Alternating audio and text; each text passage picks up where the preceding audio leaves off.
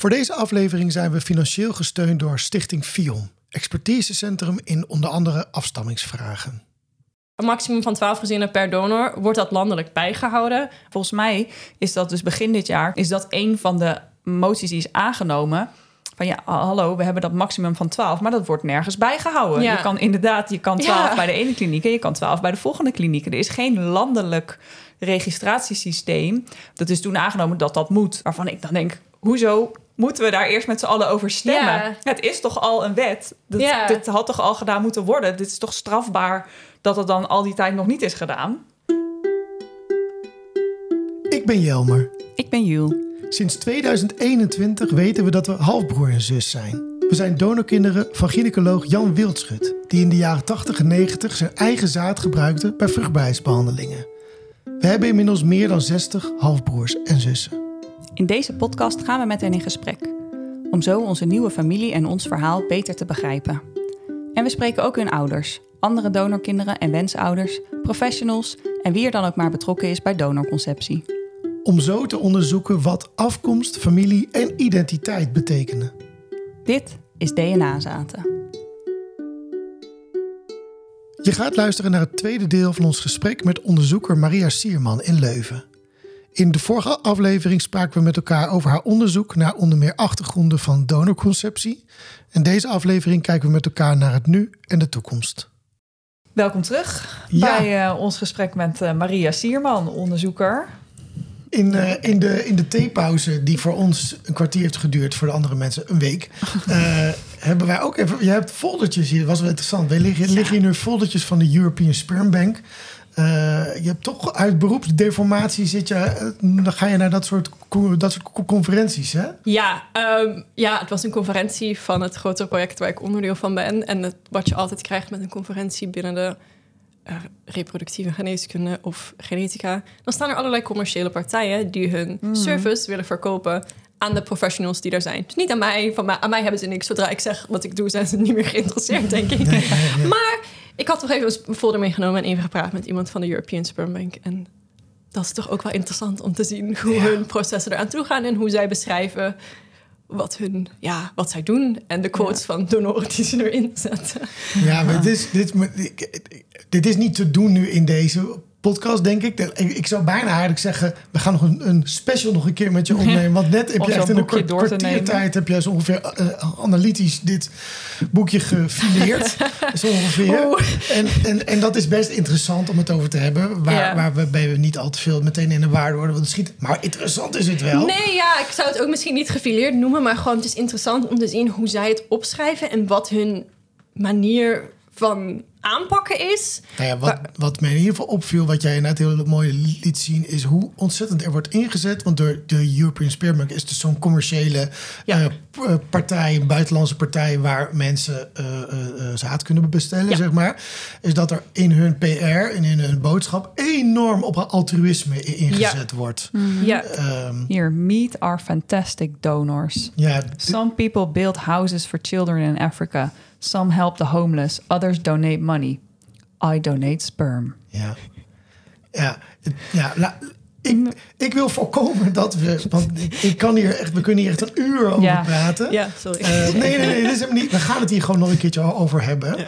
Maar het zegt misschien wel iets over deze aflevering. Ja. Nou, nee, vorige Waar aflevering. Ja, want vorige Ja. aflevering hebben we het veel gehad, Maria, over jouw onderzoek. Ja. Doing kin. Ship. Ship. Sorry.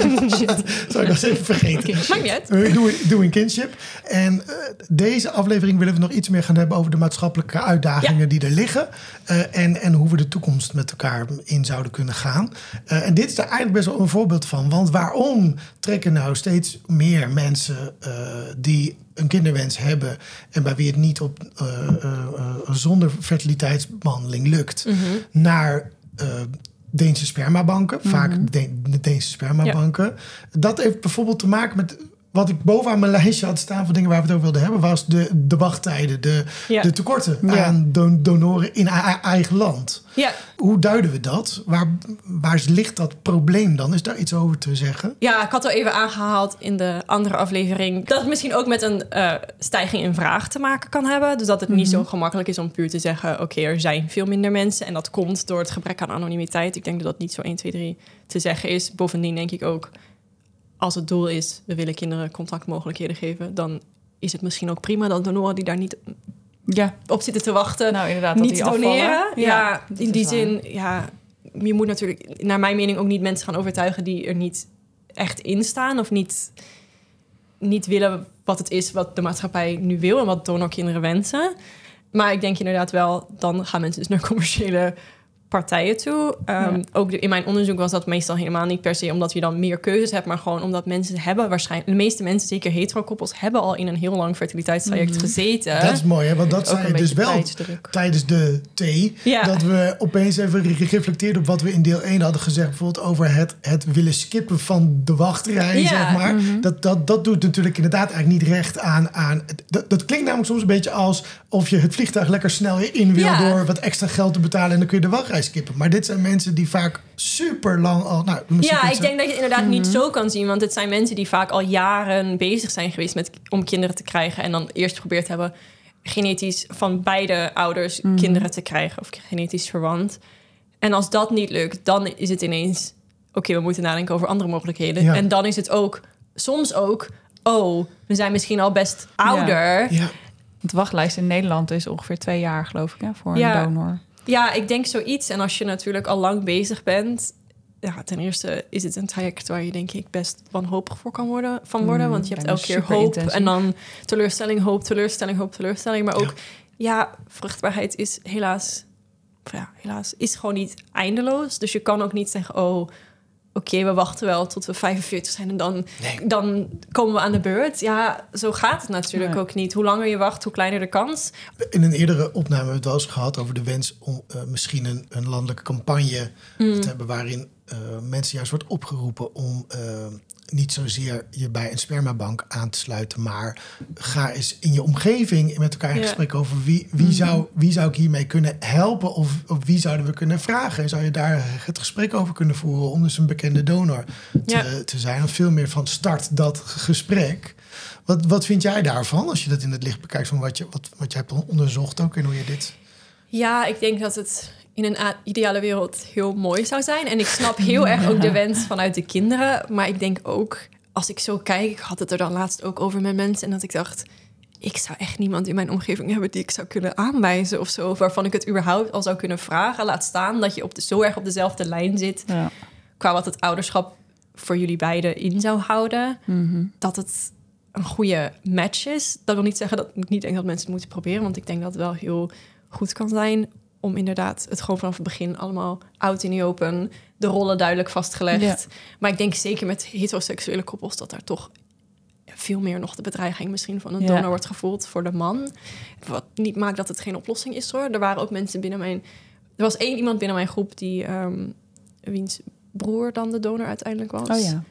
Maar die zei wel, ja, het helpt dat mijn broer in een ander land woont. Want ik word er dan Ja. niet op dagelijkse basis mee geconfronteerd. Dus ik denk dat dat echt wel lastig kan zijn. En andere mensen die zeiden, ja, als we een broer of een neef of zo hadden gehad... en die had ja gezegd, dan hadden we dat wel willen doen. Maar vrienden, nee. Want dat is toch ook lastiger. Want ja, blijf Je je, wordt- voor altijd bevriend ja. met diegene. En je wordt ineens toch een soort familie. Dus ja, je moet daar wel echt achter staan, denk Ja. ik.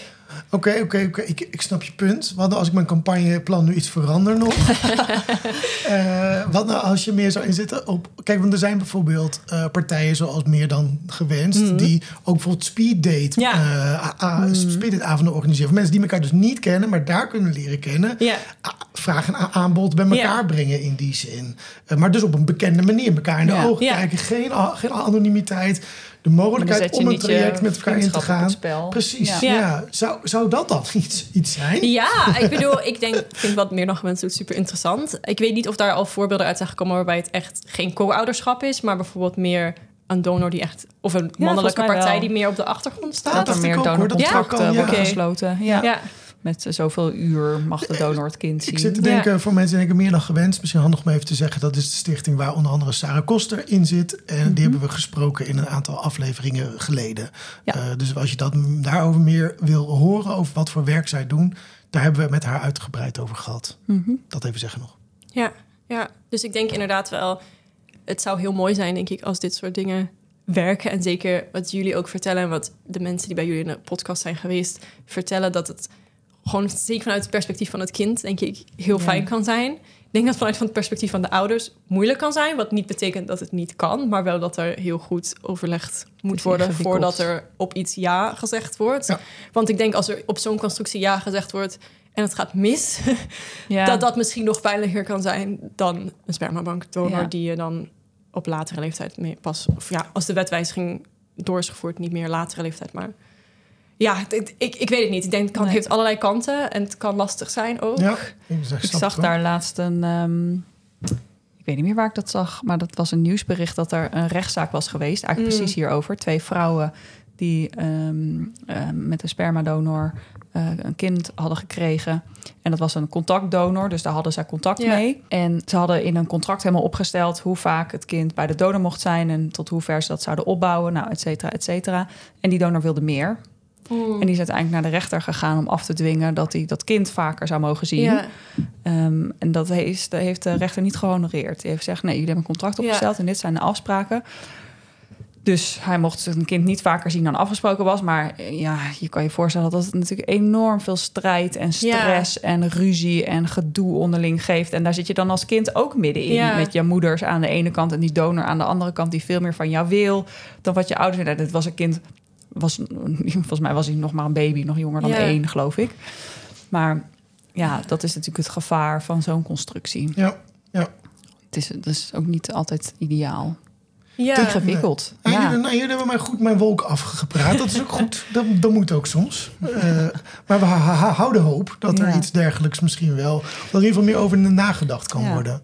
Ja, en ik denk wat je zegt over contracten dan ook wel belangrijk is. Ik had Mhm. laatst toevallig een documentaire gezien. Dat was wel een heel extreem voorbeeld. Ik geloof dat het The Baby Daddy heette. En dat ging dan over een Amerikaanse man die dan ehm spermadonor was. Wel eh, bekend, maar met allerlei mensen die hij dan online had gevonden en zo. Mhm. En hij wilde wel best contact met die kinderen. Maar hij had wel inmiddels 120 kinderen. Oh, ja. En dan was er ook dan was er een, een leuke afspraak met de kinderen in de woonkamer van het huis van de een. Met allerlei kinderen en allerlei moeders. Maar dan tegelijkertijd in de slaapkamer ging hij dan nog even een nieuw iemand oh, een potje een- geven. Oh, ja. en de volgende Mhm. bezwangeren. En Ja. was, ik geloof dat hij ook een soort van bekend stond als de Target donor, omdat hij gewoon elke keer in het toilet van de Target, zo'n Amerikaanse supermarktachtige winkel, ging afspreken. En die had dus geen contract en is vervolgens, nou, dat vond ik dan niet heel erg voor hem, want het was gewoon een heel raar geval, maar vervolgens ook door meerdere van die moeders.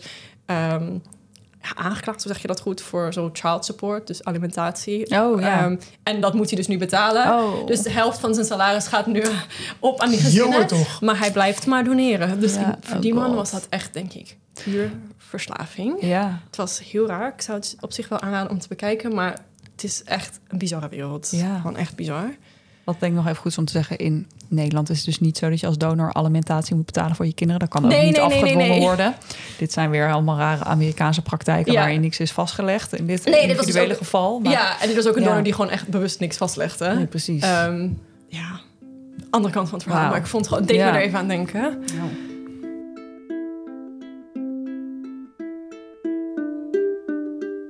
Ja, want we hadden het er net over dat je via Cryos en de European Sperm Bank dat je donor dan ook uit het buitenland komt, maar dat hoeft dus niet, want ik lees in dat boekje, ik pak het er toch nog weer even bij, Maria, wat je had meegenomen van die conferentie, ehm, dat hun donoren ook uit Nederland komen. Ehm, Ja, de- ja maar European kun je, dat, kun je Sperm Bank. daarop selecteren? Dat is de vraag. Ja, dat weet ik niet eigenlijk. ja, dat, Kun je dus als Oh. Nederlands stijl zeggen... ik wil graag een Nederlandse donor? Ja, dat is wel een Dat is interessante vraag. interessante. Our donors are young men with big hearts. Moet elke keer weer even benadrukt worden hoe fantastisch ze allemaal zijn. Nou goed. They live in Denmark, the UK, the Netherlands en Germany. Dus uit die vier landen hebben ze bij de European Sperm Bank donoren. Je kan ook in Amsterdam kan je doneren. Ja. Maar dan denk ik, dat is eigenlijk zonde. Dan zijn er dus mensen in Nederland die Ja. donor willen zijn, die sperma inleveren. Dat gaat volgens naar Denemarken en dan wordt het over de hele wereld verscheept. Ik denk, hou, hou dat lekker in Nederland, Ja, toch? Ik weet alleen niet wat de bijvoorbeeld in Duitsland de wetgeving is. Want het kan natuurlijk ook, volgens mij als je doneert, kan je zelf ook kiezen of je anoniem of identificeerbaar Ja. bent. En in Nederland mag je dan alleen de, anoniem, Mag je eh, de identificeerbare donor Ja. gebruiken. Maar misschien dat daar ook nog een soort van Nou, dat, zit. Dat misschien er mensen, dat er Nederlanders zijn die wel anoniem willen doneren. En dat dan alleen de landen Ja, waar het ja, ja. anoniem is, het gebruikt mag worden of zo. Nee, want Dat ik had net ik nog even op hun site gekeken. Maar volgens mij kan je dus als je in Nederland doneert, mag je ook niet anoniem doneren. Ah, je mag ook niet anoniem doneren. Oké, dus dat zal denk ik dan dat weg. alleen in Ja. andere landen zijn. Maar wat misschien wel interessant is, jij gaf dat net al aan dat dat, dat statistisch een beetje eh, vraagtekens eh, om, zich heen heeft. Dat er wordt aangegeven door bijvoorbeeld European Sperm Bank dat 95% van de donaties, zeg ik dat goed, Ja. wordt, wordt afgekeurd. Dus dat, eh, van de donoren, sorry. Ja. Dus dat echt het beste van het beste er alleen eh, Ja. eh, in hun Ja. spermabank zit. En dat tegelijkertijd gaf je aan, daar kun je al over nadenken. Wat zegt dat nou? Want dat zegt iets over een soort maakbaarheidsillusie. Ja, wat ik dus interessant vind, is dat ze dus bijvoorbeeld screenen op heel veel genetische aandoeningen. Dat zeggen ze ook, dat er donoren eh, ja, niet geaccepteerd worden, omdat ze bijvoorbeeld drager zijn van een genetische aandoening. En bij veel genetische aandoeningen betekent het dat je kind kan het enkel krijgen, of heeft 25% kans te krijgen, als beide partners Precies. drager zijn van dezelfde aandoening. Dat is niet bij elke genetische aandoening het geval, maar bij veel wel. Ehm, dus eigenlijk de overerving is alleen relevant als in het geval van een heterokoppel... of in ieder geval überhaupt het geval van een spermadonor... de vrouw drager Ook zou zijn van is. dezelfde genetische Ja. aandoening. Dus ik vind het interessant dat ze dan dat niet meenemen. Niet de vrouw screenen, maar eigenlijk per definitie... iedereen die iets van een mutatie, een dragerschap van een erfelijke aandoening... bij zich draagt, blijkbaar afwijzen. Waar je, door je ook denkt... er worden best wel veel mensen afgewezen... waarbij eigenlijk die ziekte niet per se door wordt gegeven. Of zelfs als het een koppel is dat IVF zou doen, zou ook nog gewoon, zelfs als ze wel bij de drager zijn, ja. zou je ook nog embryoselectie kunnen doen. Wat de kans op een kind misschien kleiner maakt. Maar ik vind het gewoon interessant dat het meteen, ja, dat het meteen niet geaccepteerd wordt. En wat, dat brengt bij mij een beetje het idee op dat ze heel graag willen suggereren. ehm, dat is mijn interpretatie Ja. dat de donor heel gezond is. En dan ben ik bang dat ouders misschien een beeld verkocht wordt dat niet helemaal realistisch is. Want Ja. het feit dat ze deze genetische aandoeningen de donoren niet hebben, betekent niet dat je kind perfect gezond gaat worden. Ja, er zijn heel veel aandoeningen die misschien niet voor gescreend zijn of helemaal niet puur genetisch in aard Nee, zijn, maar ook andere dingen bij meespelen. En daar wordt helemaal niet naar gekeken. Waarbij ik niet wil zeggen dat het per se slecht is dat ze gescreend worden, maar ik denk gewoon Nee. de boodschap die het kan Ja. zenden van mijn kind gaat gezond zijn, daar is wel belangrijk om kritische vragen bij te stellen. Ja, ja. Mhm. die garantie heb je natuurlijk nooit helemaal. En ik denk ook, jeetje, als je toch 95% afwijst. Ja, hoeveel Hoe- mensen zijn er dan? Ja, hoeveel, dat, lijkt me, dat lijkt me toch haast niet reëel. Dat ze dan nog steeds zoveel sperma Ja. hebben. Dat er geen wachtlijsten zijn. Dat je het zo, Ja. Dan moeten er toch honderdduizenden mensen zich daar elke dag aanmelden om sperma te doneren. Nou, dat ze nog zoveel ik- overhouden. Ja, en als ik, dan het, als ik het dan heel po- positief ga proberen uit te leggen... Ja, om het bruggetje te maken fijn. naar... Ja goed, hè, ga ik gewoon- om het bruggetje nog eens een keertje te maken naar... eh, hoe kunnen we nou in de toekomst... wat kunnen we nou doen om bijvoorbeeld wachtlijsten in, eh, Mm. in Nederland te verkleinen? Mhm. Op zijn minst wat je kan doen is gaan proberen te onderzoeken... wat doen deze spermabanken blijkbaar heel erg goed? Ja, Wat Om wij- zoveel mensen Ja. te... Blijkbaar Ja.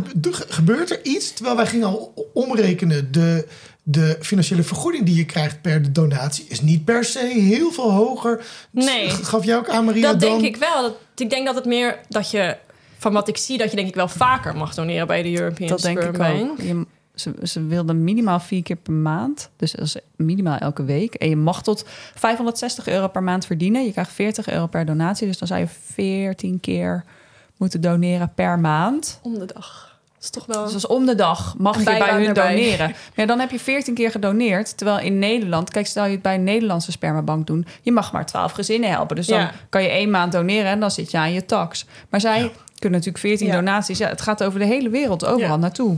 Ja. Dus er zit niet echt een maximum aan hoeveel je mag doneren, denk ik. Want je kan Dus mijn- eindeloos veel kinderen verwekken.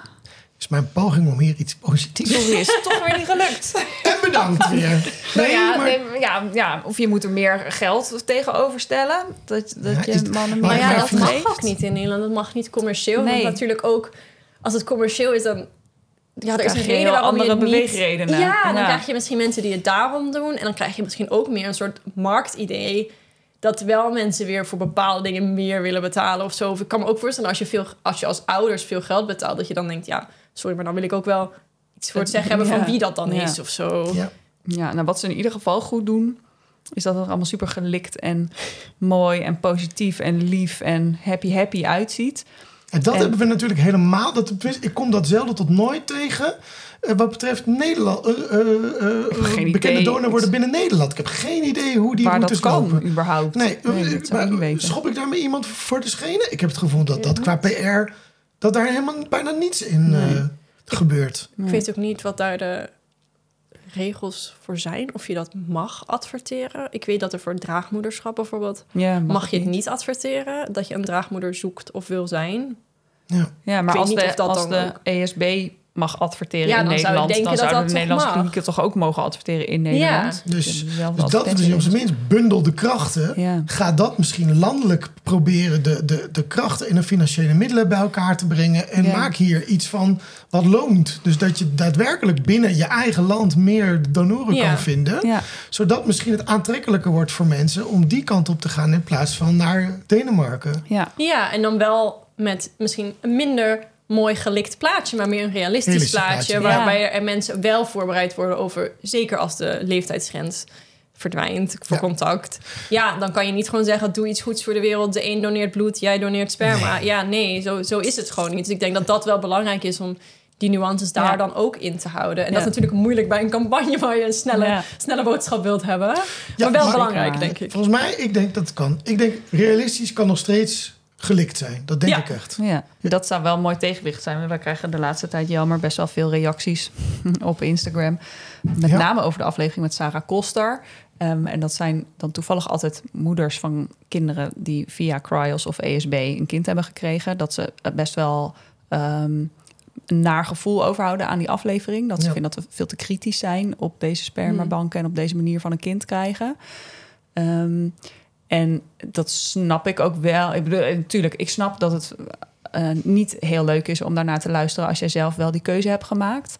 Ik denk ook dat we misschien in die aflevering er een beetje aan voorbij zijn gegaan. En dat het ook niet een heel simpele keuze is. Dat het, eh, wat Maria Nee, vorige week wel ook al zei. Van, Ja. Het is natuurlijk niet zo dat je denkt, oh nou, haha, lekker makkelijk, leuk, doen we het zo. Mm. Daar gaat natuurlijk een heel traject aan vooraf. En ik denk dat iedereen had het liever anders gewild. Niemand denkt op zijn zestiende, ik wil een donorkind. Dus ik snap dat daar niet lichtzinnig over na, eh, dat het niet een lichtzinnige keuze is. Nee. Maar ik denk dus wel, omdat die spermabanken dat allemaal zo simplistisch willen laten overkomen. Van, oh, het is maar sperma en Ja. het ziet er allemaal mooi uit. Kijk, je krijgt een hele blije baby. Ik, ik zit in de targetgroep, denk ik, voor Cryos. Ik zie aan de lopende band, krijg ik allemaal reclames op mijn Facebook feed van... wij laten uw babydroom uitkomen, Cryos. Nou, met een linkje waar ik mijn sperma kan bestellen. Ehm, dat we daar een beetje tegenwicht in willen geven. Van ja, maar wacht even, denk erover na. Want het is niet zo makkelijk als dat zij het willen laten lijken. nee. Maar ik zou de marketingtechnieken willen jatten voor een realistische boodschap. Ja. En dat is het, denk ik. Dus bij deze, welke partij dit, dit wil oppakken, pak het op. Ja, misschien Of moet je bij de Nederlandse spermabanken gaan werken. huur me in, mensen. Ik- ben beschikbaar. Goed, dit ging allemaal ter, terzijde.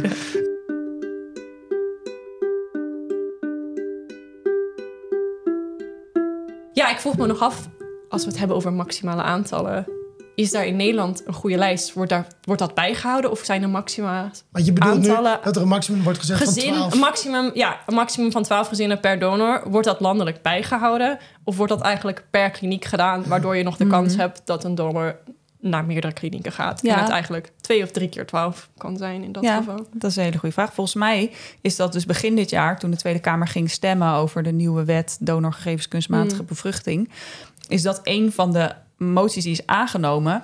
Van ja, hallo, we hebben dat maximum van 12, maar dat wordt nergens bijgehouden. Ja. Je kan inderdaad, je kan 12 Ja. bij de ene kliniek en je kan 12 bij de volgende kliniek. Er is geen landelijk registratiesysteem waar wordt bijgehouden hoe vaak elke donor heeft gedoneerd. En dat is toen aangenomen dat dat moet gaan gebeuren. Waarvan ik dan denk, hoezo moeten we daar eerst met z'n allen over stemmen? Ja. Het is toch al een wet? Dat, Ja. Dit had toch al gedaan moeten worden? Dit is toch strafbaar dat het dan al die tijd nog niet is gedaan?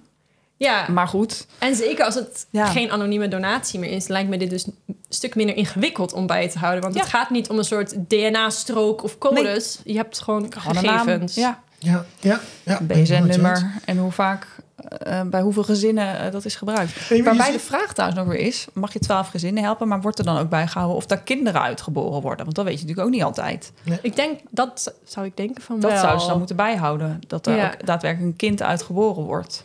Maar deze serie vragen Ah. werpt eigenlijk op waar, waar we op dit moment staan, volgens mij. Namelijk, het beweegt. Als je Ja. ziet wat er in het voorjaar in de Tweede Kamer is, is besloten. De, de wet is echt gewijzigd. Het, het beweegt maatschappelijk ook.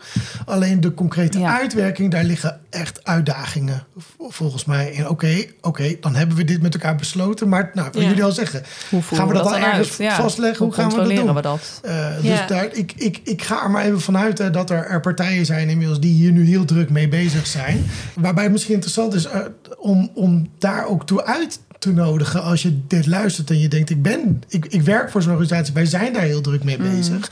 Wij vinden het heel interessant om daarover door te, te praten. Ja. Uh, uh, om, om, om te weten wat gaat er dan nu concreet gebeuren om dit ook werkbaar te maken voor elkaar. Mhm. Ja, daar is inderdaad dat maximum van 12 gezinnen per donor is daar een perfect voorbeeld van. Ja. Uh, en bijvoorbeeld ook de vraag die we eerder hebben besproken: moet er een centraal, centraal registratiepunt komen voor donorkinderen? Dus dat je, Mm. dat je dus zelf op een bepaald moment in Ja, je ja, leven ja. zou kunnen checken. Ben ik donorkind? Of uh, Ja. is dat ergens vastgelegd? Om daarbij de afhankelijkheid kwijt te raken van ouders die goed, goed gestemd zijn en van plan zijn om het jou te gaan vertellen. En dat het goede moment maar niet komt en maar niet Ja. komt. En dat ze dan toch niet een kind vertellen dat het een donorkind is. Ja. En dat je het dan zelf ergens op kan zoeken.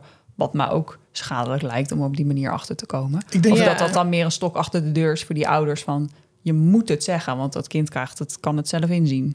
Maar is dat dan Ja. ook met het oog om eventuele donorbroers en zussen te vinden? Ja, Ja. Nou, bij onze groep is daar volgens mij bij uitstek een voorbeeld Ja. van. Uh, wij zijn nu met 60, ja. maar wij kunnen maar zo met 120 in Ja. totaal Ja, zijn. geen idee. en misschien zijn er Nee. heel veel die helemaal niet weten dat ze donorkind zijn. Ja. Mhm. Omdat hun ouders dat niet aan hun hebben verteld. Ja. Dus dan heb je de heel concrete vertaling naar Mhm. uh, uh, hoe belangrijk het is om te weten uh, wat je afstamming is. Ja. En uh, ik denk dat, ja, ik durf bijna te zeggen dat vrijwel alle partijen uh, ervan overtuigd zijn dat het beter zou zijn als die bewijslast niet alleen maar ligt bij de ouders. Mm. Alleen nu, wat gaan we er daar dan concreet aan doen? Ja, ik denk dat. Ik, er zijn natuurlijk ook altijd ingewikkelde dingen door zo'n uh, systeem op te richten. Maar ik denk dat het goede eraan wel is dat je misschien ook wat minder afhankelijk wordt van allerlei commerciële DNA-databanken. Ja. Als er een soort interne bank. Want wat jullie Ja, zeiden want- over dat Vion dan geen halfbroers en zussen, maar dan denk Dat ik ook. bijvoorbeeld. Ja, Ja. oké, aan de ene kant ja, maar aan de andere kant, ja, je legt dan de druk bij mensen om naar Ja. een Amerikaanse commerciële partij te gaan. Wat ik, ja, ik wil niet zeggen dat mensen dat niet mogen doen, dat mogen ze zeker doen, maar gewoon, het zou fijn zijn als er een systeem is waarbij je daar niet van afhankelijk bent. Ja, maar Ja. dit, ik, ben, ik ben in het verleden best wel vaak het, het, het DNA-sleepnet van onze groep geweest. Ja. Omdat ik in alle, in alle banken. alle commerciële... Dat betekent ook dat er ooit waarschijnlijk een kloon van mij gemaakt gaat worden... zonder dat ik dat zelf weet. Omdat Nou. Google, Microsoft, iedereen ja, maar heeft nou mijn maak je DNA. mensen onterecht bang om hun DNA Oh, naartoe op Oh. te sturen. Ik Oh, Terwijl het heel goed zou zijn als 2% van de wereldbevolking in die DNA-databanken zitten, dan kan elke donorvader gevonden Ja, worden. Dus dat je, is ook weer zo. je wilt mensen ook niet te veel afschrikken. Nee. Want je hoeft, dat hoeft ook niet aan jouw identiteit gekoppeld te zijn. Hè? Want jij hoeft niet jouw eigen naam op te geven bij die data. Je kan ook zeggen dat je Jill heet. En ehm, eh, dan denken ze dat dat DNA van mij is. Of van iemand Ja. anders. Of van eh Oh, dat zou ik eens kunnen doen. Vries. Dan ben ik gewoon van nu Jules in Ja. de databank. Het wordt heel verwarrend. Het is niet gekoppeld dat. aan je BSN-nummer in die zin. Nee, dat, maar goed, dat is- nee. dat waarschijnlijk waar. kunnen ze dat toch wel maar ja, hoe de toekomst eruit gaat zien. ja, Ja, we willen Dat niet mensen, ja, niet mensen bang maken. maar Niet nee, doen, maar ik denk wel niet mensen bang maken. Maar Maar het is- zou ja. mooi zijn als er een ander Precies. systeem kan zijn dan enkel dat commerciële mooi. DNA-data. ja, en dan denk ik inderdaad, als jij als overheid bij FIOM als enige eh, in Nederland een DNA-bank hebt om Ja. dit soort dingen te, te beantwoorden, laat dat dan ook gewoon eentje zijn met de juiste technieken, dat je alle vragen die er zijn kan beantwoorden. Dus ook halfbroers en zussen, en Ja. niet alleen maar vader-kind relatie. Ja, zeker als blijkt dat dat is waar mensen behoefte aan hebben, dan lijkt Ja. me dat. En, daar is, en dat is een organisatie die er ook op zo'n manier mee bezig is. dat ik denk dat zij ook nadenken aan de privacy en ethische kwesties rond het verzamelen van deze data. Mhm. Dus ik denk dat het goed is als er zo'n partij die daar kritisch bij stilstaat, Ja. dat die, maar dan ook inderdaad wel als blijkt dat mensen ook hun donor siblings eh, willen kunnen leren kennen op die manier of te weten komen, Ja. dat daar ook wel ja, ruimte aan wordt gegeven. Over na wordt Ja, gedacht. dit- en dan is eigenlijk het, het laatste aspect, als je het hebt over wat, wat, waar kunnen we nou aan werken voor de, voor de toekomst, Ja. wat zou er mooi kunnen. We zitten hier vandaag in Leuven omdat gisteren een studiedag was voor counselors. En counseling, Hmm. Ja. daar ligt volgens mij een enorme kans. Ja, Eh, daar hebben we het ook al veel over gehad. Precies. Maar eh, dus het bewustzijn bij mensen die jij begeleidt als vruchtbaarheidscounselor. wat zijn de consequenties, wat zijn de betekenissen van keuzes die je kan maken? Ja. Zeg ik dat goed? Ja, zeker. Ja. Waarbij ik het opvallend vond trouwens dat gisteren bij die bijeenkomst dus iemand zei dat in, ik weet niet of dat dan overal in België is of alleen in de kliniek waar zij of hij werkte, maar dat eh hetero-stellen niet gecounseld werden.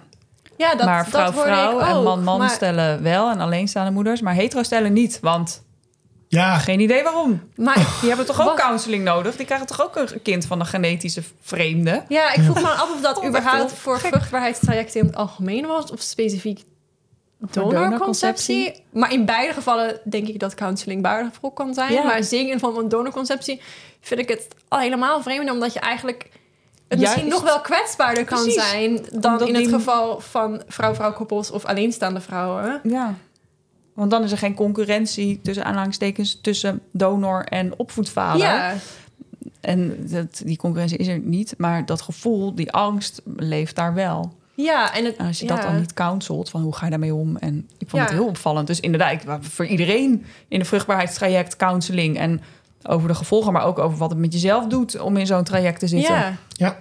Ja, Ja. ja. zeker als er niet alleen so- sociale onvruchtbaarheid is, maar ook medische onvruchtbaarheid. Dat is belangrijk om ja, niet gewoon simpel overheen te gaan. Dat is, kan ook een heel ingewikkeld proces zijn voor mensen om doorheen Ja. te werken, waar je juist wel counseling bij kan gebruiken, denk Ja. ik. En ik, ik bedoel ook dit alles niet als counselors, doe het beter. Nee. Ik bedoel vooral, ehm, maak counseling belangrijk. Ja, Precies. Maak het eigenlijk een Ja. standaard onderdeel. ja. Maak het een in voorwaarde. zin investeer ook geld daarin. Want ik denk Ja. dat sommige counselors, ik weet het niet zeker hoor, maar als ik kijk naar bijvoorbeeld genetisch counselors, waar dus een ander soort counseling is, maar ook vraagstukken, die zijn vaak ook gewoon totaal overbelast. En daar is heel weinig aandacht voor. Er zijn weinig. Want ik, zag, ik zag een zaal met ontzettend veel betrokken mensen. Ja. Dat zag je gewoon in hoe er werd gereageerd op de, de, op de dingen die, die verteld werden. Dus ik denk dat inderdaad die, die betrokkenheid en die, die behoefte om iets goeds voor mensen te, te doen, koppel dat aan, geef die mensen meer middelen, ja, meer Ja. kansen om, om dit op een goede manier te kunnen Ja. doen. ja, Waarbij ik denk nog wel een goede opmerking is, want ik had het daar gisteren ook met iemand over. En zei ik, wie mag zeggen eigenlijk allemaal fertiliteitscounselor Oh ja. noemen? Iedereen. Ja. Ik kan Oh. morgen een bordje op mijn deur timmeren. Eh Jules, hallo, ik ben fertiliteitscounselor. Kom bij mij. Ja. Dat is niet een beschermde titel. Er zijn natuurlijk maar weinig beschermde titels. Maar, ehm, en daarom is het dus zo fijn dat Point bestaat. Dat Ja, het dat netwerk, die beroepsvereniging bestaat. Want dan In die zaal zitten mensen Precies. die dat niet zo lichtzinnig Precies. En opvatten. volgens mij zijn zij de, de voorwaarden om eh, je aan te mogen sluiten bij Point... is dat je in ieder geval een, ehm, een psychologische opleiding hebt gedaan op HBO of WO-niveau... en ervaring hebt binnen de fertiliteitszorg. Weet je daar meer over, Maria? Is dat inderdaad... is Eh, dat- nee, ik weet er niet meer over, maar ik denk dat dat wel een goede Ja, ja, omschrijving ja, is. ja, ja. En zoals Edimond haalde, geloof ik ook al aan dat je ook een internationaal certificaat, erkend certificaat Oh, van ja. de European Society of Human Reproduction and Embryology kan halen. Dat is misschien ook nog iets. Ja, En ik denk ook, ja, veel mensen, fertiliteitscounselors, werken wel binnen de kliniek of binnen het ziekenhuis, waarbij ik heel erg aanneem dat ze aangenomen zijn op bepaalde opleidingen en vaardigheden. ja precies. Ehm, ja. maar ja, iedereen kan natuurlijk een, een week een cursus doen om coach te worden... en dan Ja. zeggen, nou, ik ben fertiliteitscoach, Ja, ik ja. ga je hierbij helpen. Maar dat, Ja. nou ja, kijk dus of iemand is aangesloten Ja. bij Point. Eh, Mooi, Ja. mooi. ja. Maria, is er iets waar wij het nog niet over hebben gehad? Waarvan je denkt, dit kan toch niet dat we twee uur met elkaar hebben gepraat... en dat, we dit niet, dat dit niet eens ter sprake is gekomen? Nee, ik denk het niet. Volgens ons lijstje waren we aan het einde. Ja, ik denk dat het meeste wel besproken is. Kijk, je kan overal nog een uur over gaan doorpraten, maar dat lijkt me te veel woorden voor één podcast. Ja. Ik Heel vond het leuk. Heel Ja. waardevol. Ja, om Eh. jou een beetje zo uit te meanderen over al die verschillende onderwerpen. En, maar dit dan? En dan moet je daar ook over nadenken. En dan komt dat er ook bij. En ik, Ja. oh ja, oh, zo eigenlijk ook allemaal Dit- complex. Dit is het. Het is complex. Ja. en dat Ja. is het mooie wat wij met onze podcast volgens mij proberen duidelijk te maken. Hoe complex het is. Ja. En hoe En het is makkelijk niet het is om een mening te hebben. Het wordt weergegeven door de commercie die zich in de fertiliteitswereld bevindt. Ja. Die zeggen, bestel een rietje en een, een paar maanden later heb je een kind. Nee. Zo simpel is het gewoon niet. Het Nee. is heel complex. En dan mag best, ehm, dat mag meer gezien worden, denk ik. Ja. Eh, heeft de wetenschapper onder ons nog hele wijze woorden om mij af te sluiten te vallen? Ehm, nee, ik denk dat Jules het al heel goed heeft omschreven dat alles eigenlijk complexer is en overal meer partijen, meer gevoelens, meer Ja. ethische kwesties bij betrokken zijn dan je in eerste instantie misschien denkt. En dat vooral gewoon goed is om daar uitgebreid bij stil te staan. Zeker bij zo'n onderwerp als dit. Ja. Wij blijven graag op de hoogte van wat je doet. Zien we je volgend jaar in Amsterdam als de, de internationale vruchtbaarheidscounselors eh, bijeenkomst? eh, Hopelijk. Ja.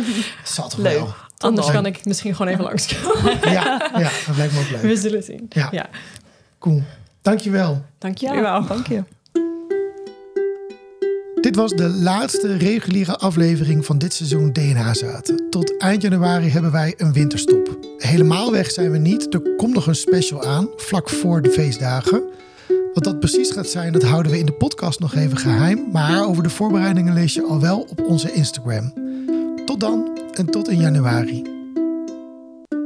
Dit was DNA Zaten, een podcast van Jelmer en Jules. Wil je ons steunen? Ga dan naar vriendvandeshow.nl slash dnazaten. Je kunt ons ook volgen. Kijk dan op Instagram, dnazaten. Heb je behoefte aan meer informatie?